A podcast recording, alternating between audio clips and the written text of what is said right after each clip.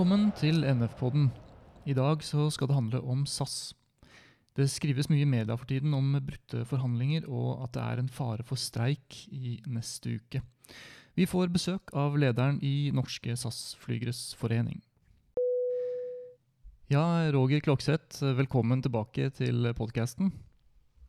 Jo, tusen takk for det.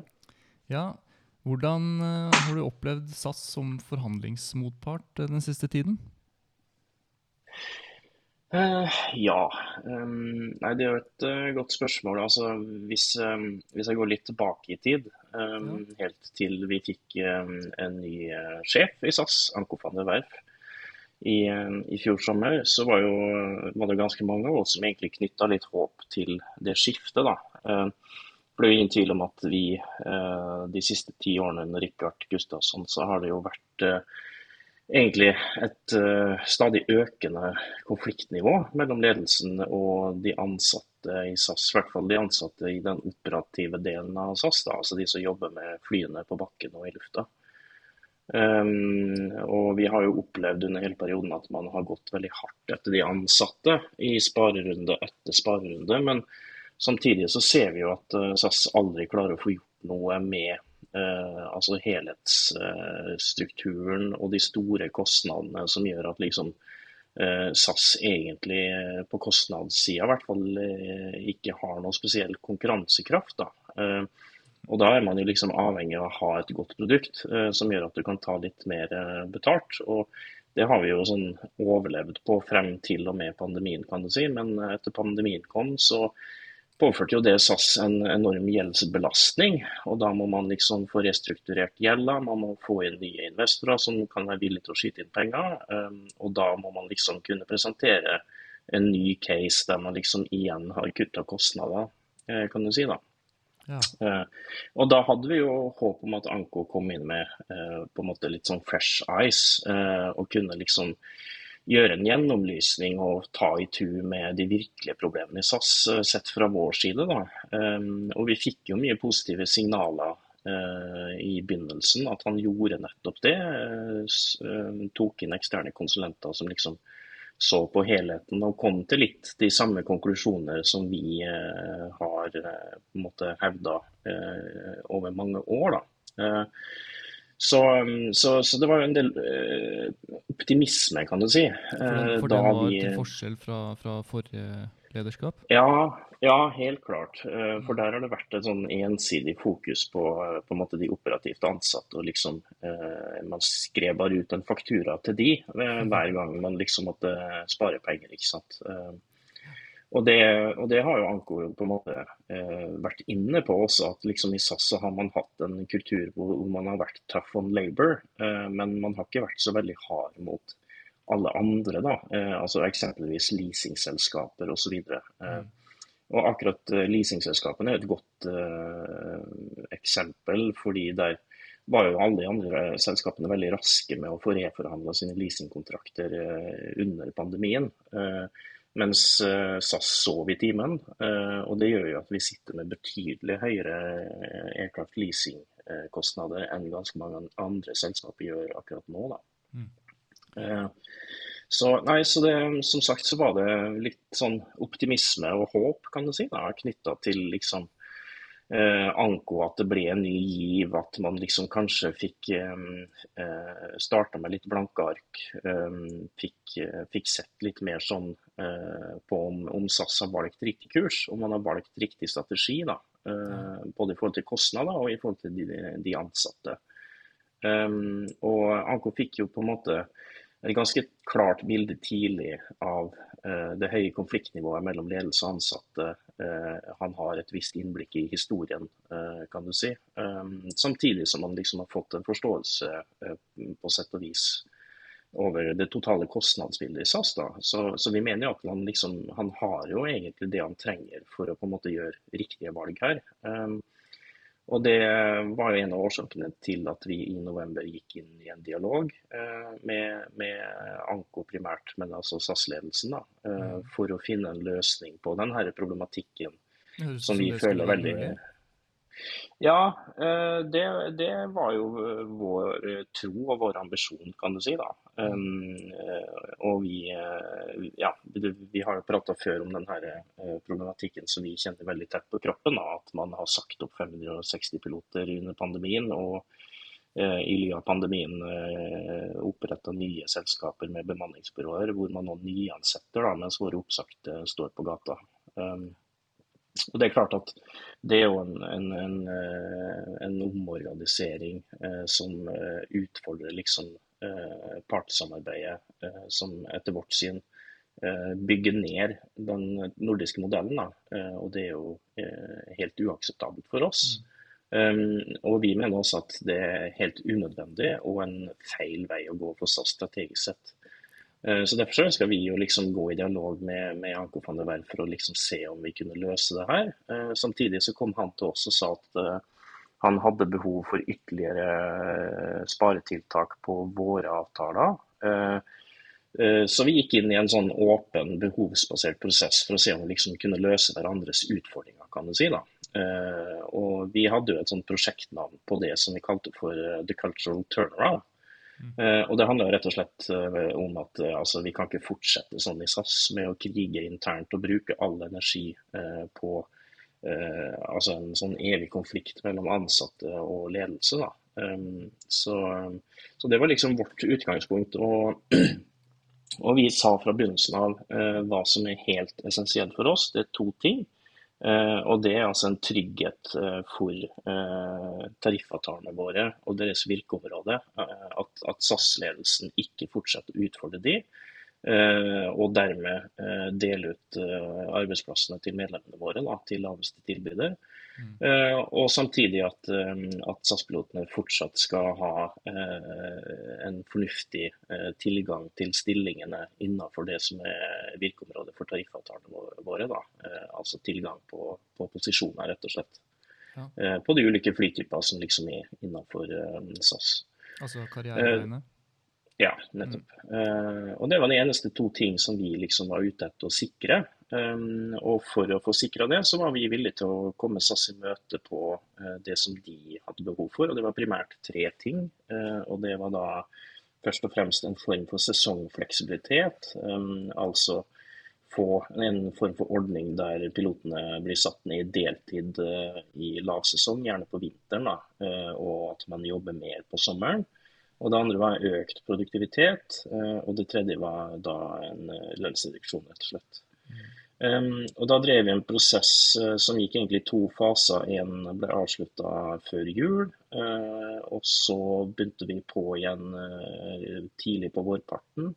Og I mellomtiden så hadde jo da Anko lansert denne her restruktureringsplanen, kan du kalle det, som heter SAS Forward. Ehm, og I SAS Forward så har jo da SAS tenkt å spare 7,5 eh, milliarder i årlige kostnader eh, fram mot året, altså finansåret 2026. Og av de 7,5 milliardene så er 1,2 milliarder lagt på de ansatte. Og av de så skal pilotene dekke inn 800 millioner. da. Og Det er 800 millioner av det som er beregna som totale pilotkostnader i 2026 på ca. 2,8 milliarder. Dvs. Si en kostnadsreduksjon på 30 da.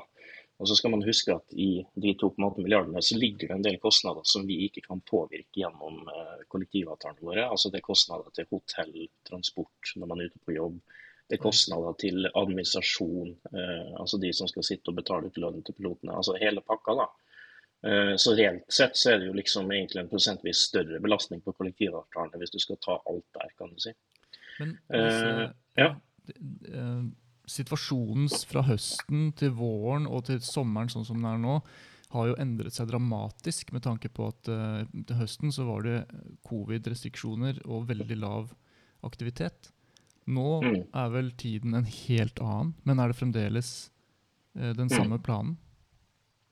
Det er den samme planen. Um, og um, altså, I forhold til besparelsene så handler jo det her om for SAS sin del av å kunne presentere et case for potensielle investorer uh, som skal liksom tro på det her og skyte inn penger i, i SAS. Og, og, også de som liksom er kreditorer i SAS, um, og som skal eventuelt omgjøre gjeld, kan du si. da.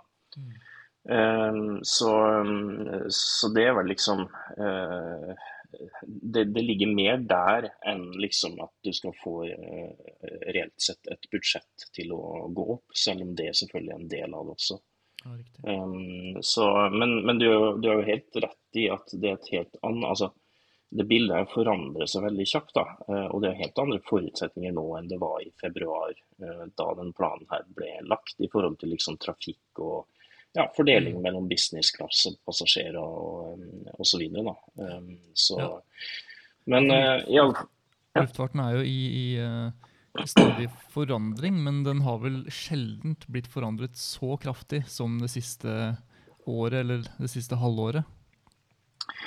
Ja, eh, det er klart man skal være forsiktig med å si sånne ting, men eh, jeg tror nok du kan si det med ganske stor sikkerhet, eh, gitt pandemien og liksom at man var nesten nede på null. ikke sant? Og nå er man vel snart opp på 90% tror jeg. Mm. Altså sånn i industrien i hvert fall. da. Så det har jo gått mye kjappere, den bounce-backen, enn i hvert fall det SAS hadde planlagt med. Og, og, det tror jeg egentlig de fleste hadde planlagt med. altså Det ser man jo rundt omkring på flyplassen i Europa. Det er jo, det er jo et mildt til severe kaos overalt, stort sett. Mm. Men uh, nå er vi Så, altså um, her i, i, i dag, mm. og nå er det jo media fullt av uh, streikenyheter. Hva er mm. sannsynligheten for at det blir en streik, eller også hva må til for å mm. eventuelt unngå streiken? Ja, Nei, For å forklare det, jeg skal bare liksom fullføre det jeg starta på i sted med, med den prosessen vi har kjørt med SAS og Anko. da. Um, og eh, Som sagt så starta vi opp igjen den på tidlig vårpart um, etter liksom SAS Forward hadde blitt en greie. Um, og Dermed så var jo SAS uh, på en måte sitt behov inn i den prosessen uh, det samme som de har behov for i SAS Forward, da, altså 800 millioner og de samme tre områdene. Um, og Det er klart at det må ses i lys av at vi sitter med en kollektivavtale som er veldig konkurransedyktig allerede for pilotene i SAS. Uh, det som i så fall uh, gir uh, pilotene i SAS på en måte en kostnadsulempe akkurat nå, det er jo demografien, fordi vi er skikkelig forgubba. Altså Gjennomsnittsalderen nærmer seg jo 60 med stormskritt. Og Det skyldes jo at SAS i en årrekke har delt ut jobbene våre til andre uten å liksom rekruttere inn nye hos oss. da. Man gjorde jo det en periode fra 2013 til 2020, eh, og vi fikk inn en del nye unge piloter. Men alle de røk jo ut igjen eh, i pandemien. da. Um, så, nei, så vi, vi, har en veldig konkurransedyktig avtale, og det kan jo godt illustreres med å si at vi har tilbudt uh, SAS uh, avtalen til Norwegian-pilotene, men det er SAS avvist fordi den er for dyr. Um, så på toppen av det da, så skal, skal vi liksom uh, prøve å finne 30 besparelser.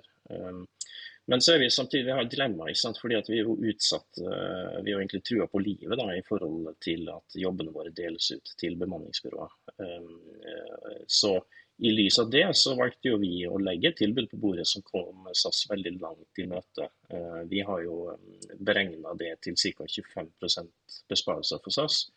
Eh, og i den pakken så lå det bl.a. en løsning for eh, sesongdeltid, der alle piloter eh, blir tvunget ned på deltid, altså 8% deltid, i fem måneder i året. Mm. Og der SAS da disponerer de i full stilling i høysesong. I tillegg så lå det da produktivitetsøkninger, f.eks. en økning fra 47,5 times arbeidsuke til 60 timer, eh, og i tillegg 5% lønnsnedgang på alle.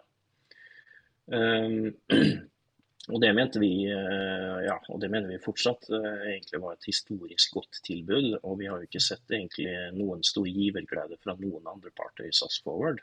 Så vi synes jo det her er ganske unikt. både i SAS Forward, men også når du sammenligner med resten av samfunnet. Der det er høy inflasjon og, det er egentlig ganske stor forventning om lønnsvekst. Eh, og som sagt, Det eneste vi krevde tilbake, det var jo en trygghet for at man ikke flyttet uh, jobbene våre og karriereveier. da. Men det har SAS sagt eh, nei til. Eh, det skjedde den 3. juni, eh, da vi faktisk var i Stockholm med våre advokater, som møtte SAS sine advokater for å skrive avtaletekster da, på liksom våre behov. Men der møtte jo SAS sine advokater opp fullstendig uforberedt. De hadde ikke sett avtaleutkastet engang. Og det ble jo klarlagt i løpet av den dagen at det fantes ingen reell vilje fra SAS sin side til å faktisk inngå de her avtalene. Um, og Dermed så døde jo den prosessen. Uh, og da står jo vi igjen med eneste mulighet, som er tariff, regulære tarifforhandlinger. da. Um, og Der eh, er det jo slik stilt at det er ulovlig for oss å stille krav som av EU-retten kan oppfattes som at det påvirker andre selskaper. da. Eh, så der kan vi ikke legge inn de samme krav som vi kunne i den dialogen vi har hatt eh, med Anko tidligere. Så, men altså, vi er jo fortsatt trua på livet, og vi må jo liksom fortsatt prøve å ivareta det på en eller annen måte. Så vi har jo stilt krav i forhold til at SAS-fly skal flys av SAS-piloter i tarifforhandlingene også, men innenfor lovens rammer i, i, hva man kan eh, stille av krav i en tarifforhandling. Da. Eh, men da er det klart at uh, det her er jo en, den nest beste løsninga for oss. Og da er det selvfølgelig ingen vilje til å gå med på besparelser på en allerede konkurransedyktig avtale. Um, så der ligger det jo andre krav om lønnsvekst i tråd med resten av samfunnet, noe noen forbedringer i tjenestegjøringsregler osv. Så, um, så du kan si at hvordan opplever For å svare på spørsmålet som du stilte meg for sikkert ganske lenge siden. hvordan jeg opplever liksom SAS-ledelsen som forhandlingsmotpart. Um, det, det, begynte jo bra, det var optimistisk. Uh, men altså i den eh, perioden fra november helt inn til juni, da, eh, så ble det jo klarlagt at det fantes ingen reell vilje faktisk til å eh, tilfredsstille våre behov. Selv om man hele tiden underveis har på en måte indikert at det, det er mulig. Da. Vi har jo til og med liksom gått ganske langt inn i å skrive avtaletekster og prata mye om praktiske problemstillinger rundt de temaene. Men det fantes ingen reell vilje likevel. Da. Så vi oppfatter jo egentlig at vi har blitt litt dratt rundt i manesjen her i et halvt år. Og Det har jo gjort at den der tariffprosessen har blitt dytta inn i sommerferien også. ikke sant? Det er jo den eneste grunnen til at det, liksom, at det skjer så sent. da. Mm. Hadde vi visst det vi vet nå i, i januar, så, så, hadde jo, så hadde jo liksom den meklinga her skjedd i april. ikke sant? Den hadde jo ikke skjedd i juni. Men den avtaleforslaget som lå på bordet der, som eh, de ikke var forberedt på å få, mm. vil du si at det var en tabbe av dem å ikke godta den? For det var jo en god en god deal? Ja, definitivt. Eh, helt klart. Det er uforståelig for meg altså, at man, man, ikke liksom bare signerte og løp av gårde. Eh, altså, det vi har lagt på bordet av besparelser i den prosessen, er jo på et sånn nivå at jeg faktisk er ganske usikker på om medlemmene våre vil stemme, ville ha stemt igjen i en uravstemning. Mm. Um, så, og som sagt, den eneste motytelsen var jo at SAS-fly skal flys av SAS-piloter. Uh, og Det mener jeg det er jo ikke en ulempe for SAS-ledelsen. Uh, det er jo uh, tvert imot altså en garanti for at du liksom fortsatt kan levere et produkt som har høy kvalitet. og du har jo en trygghet for at du liksom har en avtale på plass. Du har en seriøs avtalepart, og du har tilgang på, på kvalifisert arbeidskraft. Så, så, jeg ser jo bare oppsider for SAS med, med å liksom gå inn i en sånn avtale. Jøss. Yes. Ja, men eh, hva, mm. hva, kan det, hva, kan det, handle om da, dersom det ikke er reell vilje? Nei, Det er vanskelig eh, for meg å si. Altså, eh, hvis vi ser på hva som har skjedd, da, så har jo Hvis du ser på SAS Connect og SAS Link som har blitt, blitt oppretta, så er jo det her Det er jo en plan som er lagt. ikke sant? Det er noen individer som har bestemt seg for at det her er riktig vei å gå. Um, og De har inngått avtale med FPU i Danmark, um, og de har liksom lagt et løp. De har oppretta selskaper hvor de har utnevnt hverandre til styreleder og direktør og det hele. Så det er en del som liksom har uh, skapt en karriere på hele det opplegget her. Da. Altså mm. på hele den fagforeningsknusingsbiten. Så er det klart at det er en del individer som aldri vil vurdere et annet alternativ, altså uansett Eh, hvordan, eh, hvordan, eh, om, om, det er det riktige å gjøre for SAS som selskap totalt sett. Ja. Um, så er, jeg tror nok at det ligger litt, litt der, faktisk. Dessverre. Um, og så er jeg litt skuffa egentlig over at uh, Anko på en måte som kommer utenfra, som ikke har noen bindinger til historien, at han på en måte har kjøpt det budskapet der. da, eh, At han på en måte har lagt seg lure inn at, eh, at denne plattformstrategien er det saliggjørende for SAS. For han mm. trekker jo stadig frem sammenligninger til KLM Transavia og Lufthansa Eurowings. Men, men det er jo helt, en helt tåpelig sammenligning. For det er jo selskaper som opererer som en helt annen størrelse enn det SAS har, og et helt annet marked også. Mm. Eh, og helt an, et helt annet konkurransebilde. Det er jo det ene. I tillegg så er det jo liksom de, de, har sine egne varemerker. Og vilkårene for pilotene i SAS ligger jo under eh, Transavia og Eurowings. Fordi nå er vi vel ved, ved stridens uh, kjerne, da, dette med jobbsikkerhet. Mm. Um,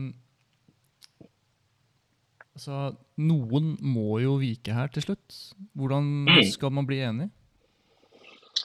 Nei, jeg ser ikke noen mulighet eh, for å bli enig i at SAS-ledelsen tar til fornuft. Um, og man har jo et, um, på en måte et ekstremt godt alternativ i, i å få oss som en alliansepartner og bygge selskapet sammen med oss, etablere tillit med oss. Vi er ikke dyrere enn noen andre. Um, og det, det, er liksom den eneste måten det på en måte kan bli fred og stabilitet i, i SAS. Uh, og det kan bli fullt fokus på å få produktet opp og stå igjen. Da. Vi har jo store utfordringer i operasjonen i dag, uh, som et, uh, til dels som et direkte resultat av den strategien man har lagt. Da. Um, så, så, og jeg mener jo at altså, Selskapet brenner jo på sett og vis, så det haster jo veldig med å liksom få tatt tak og, og få fiksa det her. Og det får de jo ikke til samtidig som at du skal krige med dine ansatte. Da. Eh, og for vår del så har jo vi lagt liksom, hva vi trenger på et helt minimumsnivå fra starten av. Eh, så for oss så er jo ikke det her noe basar der vi driver og liksom sender forslag eh, frem og tilbake over bordet. ikke sant? Vi, vi har lagt det vi trenger altså som minimum på bordet i november. Um, og, og, vi har sagt akkurat det samme i seks måneder, at det er det vi trenger, verken mer eller mindre. Ehm, og der står vi jo eh, gjennom hele det her også. Eh, og det er liksom når det er trengt oppi et hjørne og du er trua på livet og du liksom bare har én mulighet igjen, ja da er det jo liksom ikke så mye mer å diskutere. Nei, for eh, nå er det jo Riksmegleren neste. Men hvordan i all verden skal det gå? Ja, nei, nå er det jo sånn at Vi starta megling i uh, Stockholm for to uker siden. Uh, og så er det jo slik at Megling er taushetsbelagt, så jeg har jo ikke lov til å si noe om selve den prosessen. Mm. Men jeg kan jo si litt om liksom, hvordan det vil foregå. da. Uh, og vi i NSF vi samarbeider jo med de tre andre pilotforeningene i SAS i, under paraplyorganisasjonen vår SAS Pilot Group. så vi Eh, forhandler jo da samla. Eh, og det har jo arbeidsgiveren etter, etter hvert akseptert. Eh, og da skaper det jo et problem når du skal til mekling, fordi at det er tre lands meklingsinstitutt som er involvert. da. Eh, men da har man blitt enige om en sånn koordinert prosess hvor meklinga fysisk skjer i Sverige med det svenske meklingsinstituttet. Så vi har sittet med de i snart to uker nå. Mm. Um, og så har vi da nå, akkurat nå har vi en pause med meklingen, men vi starter opp igjen i morgen søndag. Og da skal vi mekle søndag, mandag og tirsdag inntil meklingsfristen som er natt til onsdag.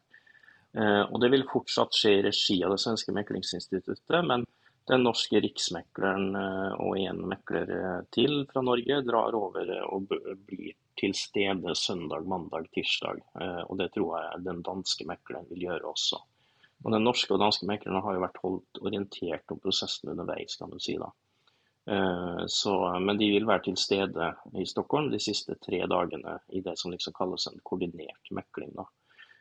Sist vi, vi mekla før en eventuell konflikt i SAS var jo i 2019. og Da skjedde meklinga i Norge hos Riksmekleren, men da var det ikke like koordinert. fordi at SAS eh, hadde jo kjørt et opplegg eh, hele den forhandlinga hvor de liksom ikke aksepterte at vi skulle forhandle sammen under SAS Pilot Group. da. Så da, da, prøvde de jo liksom å slite oss fra hverandre og dra oss inn i alle tre meklingsinstitutt samtidig. men man forsto jo etter hvert at liksom, eh, det fungerte ikke. da. Eh, så SAS aksepterte jo på en måte at vi kjørte en fellesmekling for alle parter. Men, da skjedde den egentlig i sluttfasen kun i Norge, da, uten eh, noen andre meklere til stede. Så Sånn sett så blir det litt, litt, annerledes i år. og Det er jo litt sånn nybrottsarbeid. altså Det er jo ikke noe etablert praksis for det her. Så det er ingen som egentlig vet nøyaktig hvordan det vil utarte seg. da, Men i utgangspunktet så sitter de svenske meklerne i førersetet, men med de norske og de danske meklerne til stede. Ja, det høres ut som eh, de får en ganske formidabel oppgave? Ja, altså igjen, jeg kan ikke uttale meg om meklinga, men liksom i inngangen til meklinga så er det jo ingen tvil om at uh, posisjonene til partene var veldig langt fra hverandre og veldig fastlåst. Um, ja. Det, så, så, ja, så det er ingen, ingen enkel oppgave de har tatt fatt i. Det, det er det ingen tvil om. Men uh, hva med støtte? Fordi, uh, hvordan mm. Kan du si noe om det? Altså Viktigheten for å ha mm. støtte ja. når dere jobber med disse sakene her? Ja, jo, For oss er det veldig viktig, selvfølgelig. Eh, altså, vi er jo en demokratisk organisasjon, og vi som liksom sitter i foreningsstyrene, vi er egentlig bare en forlengelse av eh, det medlemmene vil, kan jeg si. da. Altså, uten medlemmens eh, støtte så, så har vi ikke vi noe mandat. og da hvis medlemmene vil noe annet, så gjør jo vi noe annet. Um, når det er sagt, så opplever jeg unison og bred og stor støtte fra alle medlemmene våre. Uh, jeg har til dags dato ikke mottatt noen tilbakemelding på liksom noen som mener at vi, mm, at vi, på en måte er på vei i feil retning uh, i forhold til hvordan vi vurderer ting, og, og, og liksom uh, hvordan vi forholder oss til prosessen. Um, mm. så, og det er klart det er en, uh, ikke bare en stor trygghet, men en nødvendighet for oss, kan du si.